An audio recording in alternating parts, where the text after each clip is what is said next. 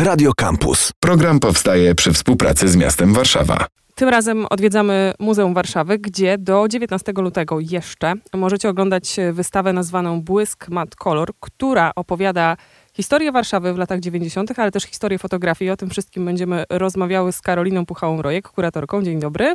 Dzień dobry. Ale zanim w te zdjęcia pójdziemy, a przeczuwam, że jednak pójdziemy mocno, bo to jest główny temat wystawy, to chciałam się zatrzymać na dźwięku, bo mam wrażenie, że jest to najgłośniejsza, nie w znaczeniu medialnym i rozgłosu, ale w, pod kątem tego, co dzieje się w salach wystawowych, ekspozycja, na jakiej ostatnio byłam. Bardzo skłania do mówienia, wspominania, opowiadania, przypominania.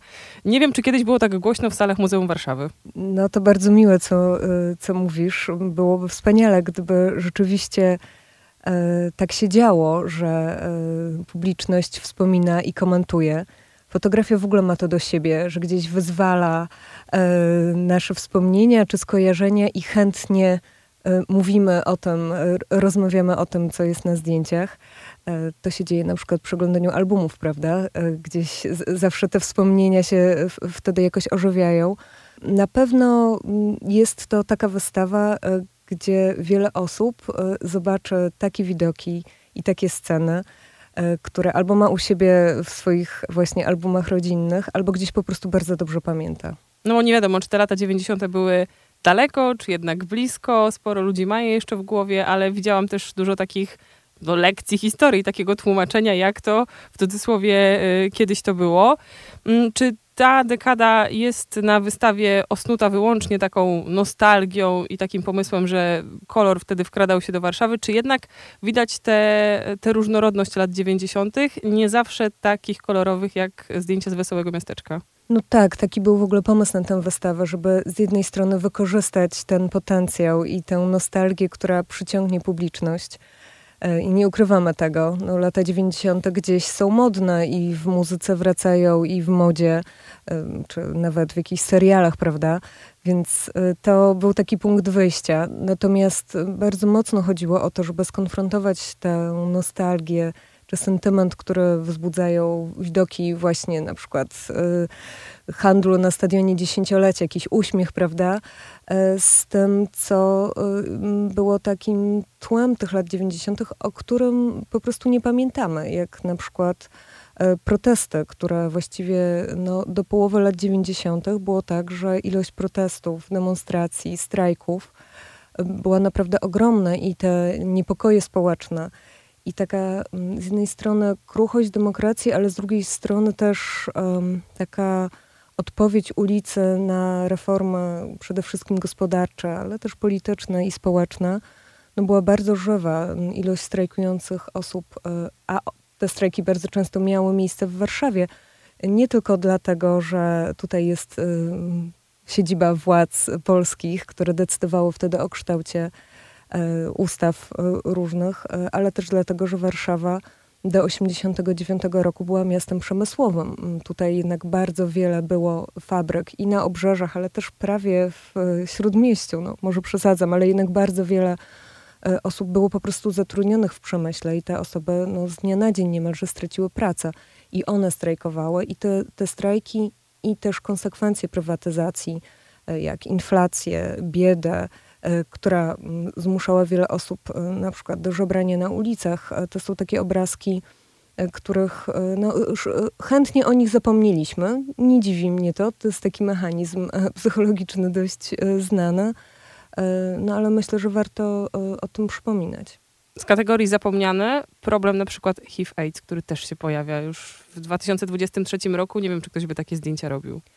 Tak, to był rzeczywiście też taki jeden z tematów, E, którego mm, jakby skala i to, co działo się wówczas przede wszystkim wokół osób chorych i e, jak bardzo one były e, no, wypierane na margines, ale nie tylko w takim symbolicznym sensie, ale wręcz dosłownym.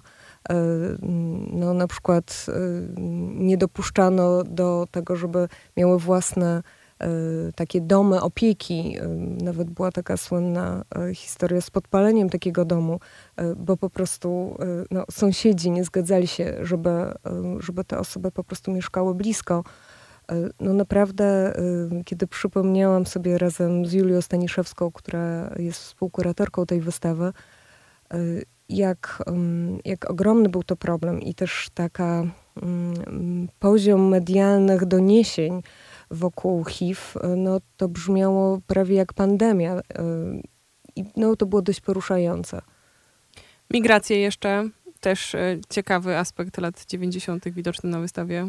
Tak jest. To, to też jest taki temat, który e, z jednej strony, e, kiedy Marcin Wicha ostatnio prowadzał po wystawie, to mówił, jak mało Rosjan jest na tych, na tych naszych fotografiach i że właściwie powinni być jeszcze Rosjanie na stadionie dziesięciolecia i że to był taki symbol dla niego no, niemalże upadku imperium, że oni tak się tutaj pojawili i sprzedawali różne gadżety, takie komunistyczne obrazki, jakieś przypinki, czapki i tak dalej.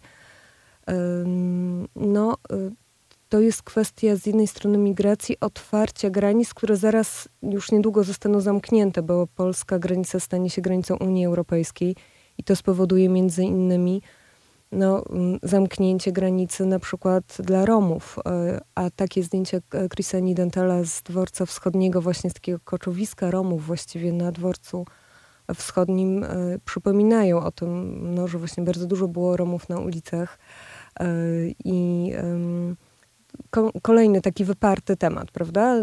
Zniknęli, nikt się nie zastanawia, co się stało. No, oni po prostu w ogromnej większości byli na Ukrainie teraz, w Ukrainie teraz, y, no mm, jakby znów więcej ich widzimy ze względu na to, co, co dzieje się za naszą granicą. Z drugiej strony, tej takiej kolorowej, weselszej, po którą pewnie y, chętniej być może będziemy sięgać na tych fotografiach, mnóstwo takich sytuacji, w które się nie chce dowierzać. Na przykład królowa Elżbieta, która się przemieszcza po Starym Mieście. Widziałam też takie zdjęcie spacerującego słonia i to już mi całkiem rozniosło głowę, jak to możliwe, że ktoś słonia na spacer na sterówce wyprowadzał.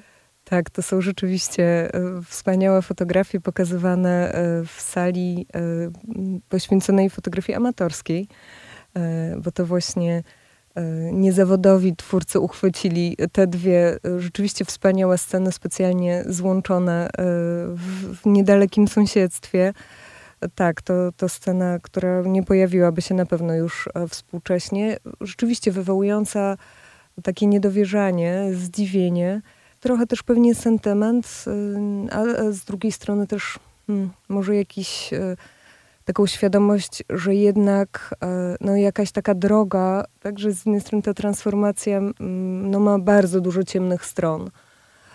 I jest taki czas rozliczeń właściwie z tym, co, czy może raczej przede wszystkim kto został y, zapomniany, ale no, że też wiele się zmieniło. No, na szczęście już nie zobaczymy tego słonia na Starym Mieście. Myślę, że, że wszyscy z ulgą to spotkają, chociaż, ponieważ przychodzę tam bardzo często, zdarzają się osoby, które mają jakieś, nie wiem, sowy na przykład. Ale to już na marginesie. Cały czas mnie to dziwi, że nikt nie, jakoś nie, nie reaguje w tej sytuacji. Mhm. A gdybyśmy miały jeszcze podrzucić taką kategorię wielkich wydarzeń, e, czy też znanych osób, które pojawiają się na wystawie i przyjeżdżały do Warszawy w latach 90.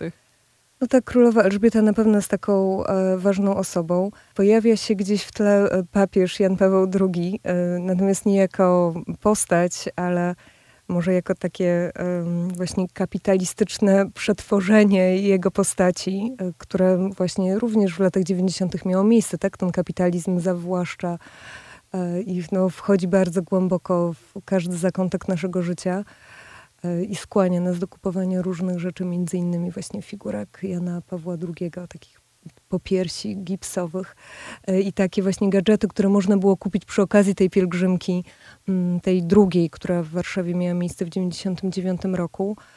E, z takich ważnych postaci e, jest też Jacek Kuroń na fotografii akurat podczas mediacji.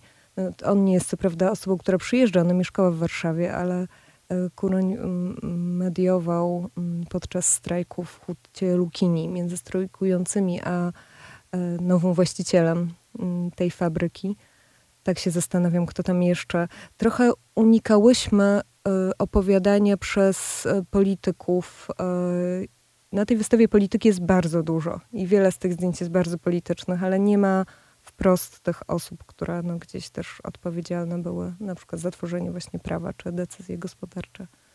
Z Karoliną Puchałą-Rojek, współkuratorką wystawy, przyglądamy się, muszę teraz odmieniać, błyskowi, matowi i kolorowi, czyli ekspozycji, która e, jeszcze przez kilkanaście dni w Muzeum Warszawy e, czeka na odwiedzających. Lata 90., historia Warszawy, którą jakoś staramy się zaznaczyć w tej rozmowie, ale też e, historia fotografii. Jak słyszę błysk i mat, to przypominam sobie wybory fotograficzne, których trzeba było dokonywać, na jakie zdjęcia postawić. Stawiałam na mat i jak się patrzy na te fotografie po latach, myślę sobie, może błysk jednak byłby lepszy. Więc co tam się dzieje fotograficznego? Bo odwołujesz się do fotografii amatorskiej, ale też y, wychodzą z twoich ust nazwiska różnych znanych fotografów, reporterów, więc y, widzę taki kontrast między profesjonalną, rozkwitającą fotografią, ale też wszystkimi tymi, którzy wyciągali rozmaite aparaty na klisze i dokumentowali to, co się dzieje. Tak, rzeczywiście te lata 90. dla fotografii to jest bardzo ważny czas. E, z, wielu przyczyn. No, dla fotografów zawodowych to jest taki czas y, przede wszystkim, kiedy zniesiona jest cenzura, a jeszcze nie ma y, tej cenzury y, wielkiego kapitału, który decyduje o tym, o czym można mówić i co można publikować. Jest to czas na pewno wielkiej wolności w podejmowaniu różnych tematów, i to jest takie wrażenie i takie uczucie, o których po prostu mówią fotografowie aktywni w tamtych czasach. Więc trudno mówić, że y, opierają się po prostu na własnym doświadczeniu.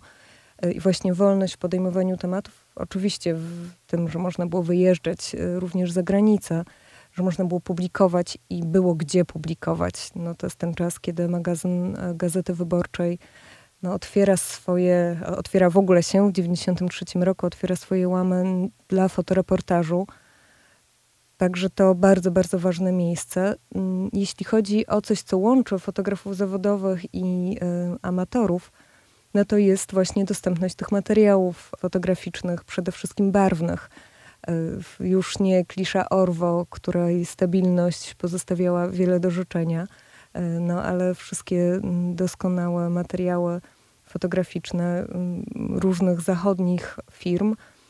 I muszę przyznać, że można powiedzieć, że te lata 90. to była dekada fotografii. W takim sensie, że fotografia była bardzo obecna. Nie tylko wkroczyła właśnie do albumów e, fotograficznych, e, no właściwie osób nie zajmujących się zawodowo, nie fotografujących zawodowo, ale e, firmy fotograficzne sponsorowały remont pomnika Kopernika, sponsorowały olimpiadę w Atlancie, kiedy tankowaliśmy na stacji benzynowej, to za ileś tam e, litrów zatankowanej benzyny można było dostać film Kodak Gold.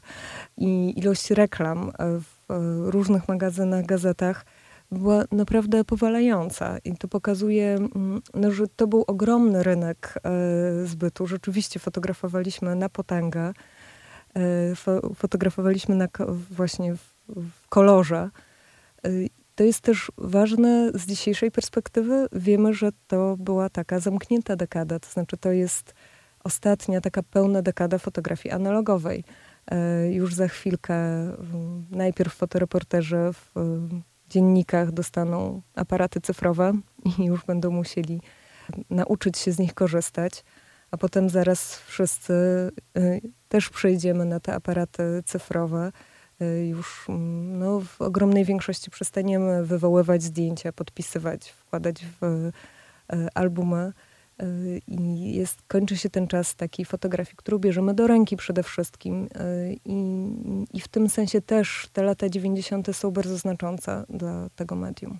Powiedz jeszcze, jaką Warszawę widać na tych amatorskich zdjęciach, które prezentujecie? No bardzo, bardzo różną jest także wspaniałe. Okazało się to właśnie dzięki zbiórce, którą prowadziliśmy z inicjatywą Tu było, tu stało. Bardzo, bardzo wiele osób zgłosiło się do nas i pokazało swoje, swoje zdjęcia. E, wypożyczyło nam na wystawę. I widać e, no, bardzo różne konwencje tej fotografii amatorskiej. To, że ona e, jest i rodzinna, kiedy widzimy zdjęcia ze Starego Miasta na przykład, ale jest też dużo fotografii, e, które trudno zaszeregować. E, na przykład są zdjęcia e, fanki Michaela Jacksona, która obsesyjnie fotografowała słupy z takimi plakatami reklamującymi koncerty Jacksona. I to jest właściwie taka typologia, można by było powiedzieć. No, tych zdjęć było kilkadziesiąt, tych, tych plakatów. Więc właściwie wiele tematów, które można znaleźć u profesjonalistów, znajduje się też w tej fotografii amatorskiej, więc ta Warszawa jest trochę podobna, ale te zdjęcia amatorskie przez to, że robione bez tej tezy, przez to, że często robione po prostu dla siebie, no, mają, są bardzo blisko tego życia. I nie wiem, czy można powiedzieć jednym słowem, jaka ona jest. Jest po prostu bardzo różna i jest i ten chaos, i bałagan, e, i jakaś pstrokacizna, ale jest też wiele jakichś tam pierwszych prób uporządkowania e, tego, e, tej przestrzeni i naprawdę ciekawych zdjęć rodzinnych. I na przykład mamy tam też wyburzenie kina Moskwa, czyli też taki jakiś, jest trochę takich symbolicznych scen, powiedzmy, które są takim właśnie obrazem tego czasu transformacji w Warszawie. Do 19 lutego wszystko, o czym rozmawiamy, wisi na ścianach Muzeum Warszawy. Ale co jeszcze się dzieje wokół wystawy do tego czasu? No zapraszam przede wszystkim na rozmowę właśnie o fotografii amatorskiej już w ten czwartek o 18 e, z Witoldem Kanickim, Agnieszką Pajączkowską i Igorem Omuleckim. Porozmawiamy o tym, no właśnie, czy fotografia amatorska ma swoją historię? Jakie są konwencje fotografii amatorskiej i co z nią robią artyści? Co się dzieje, kiedy właśnie nie tylko się jej przyglądają, ale też czerpią z niej do swojej własnej twórczości. Karolina Puchała-Rojek, współkuratorka wystawy Błysk Mat Kolor, gościła w naszym studiu. Dziękuję. Dziękuję. Program powstaje przy współpracy z miastem Warszawa. Radio Campus. Same sztosy.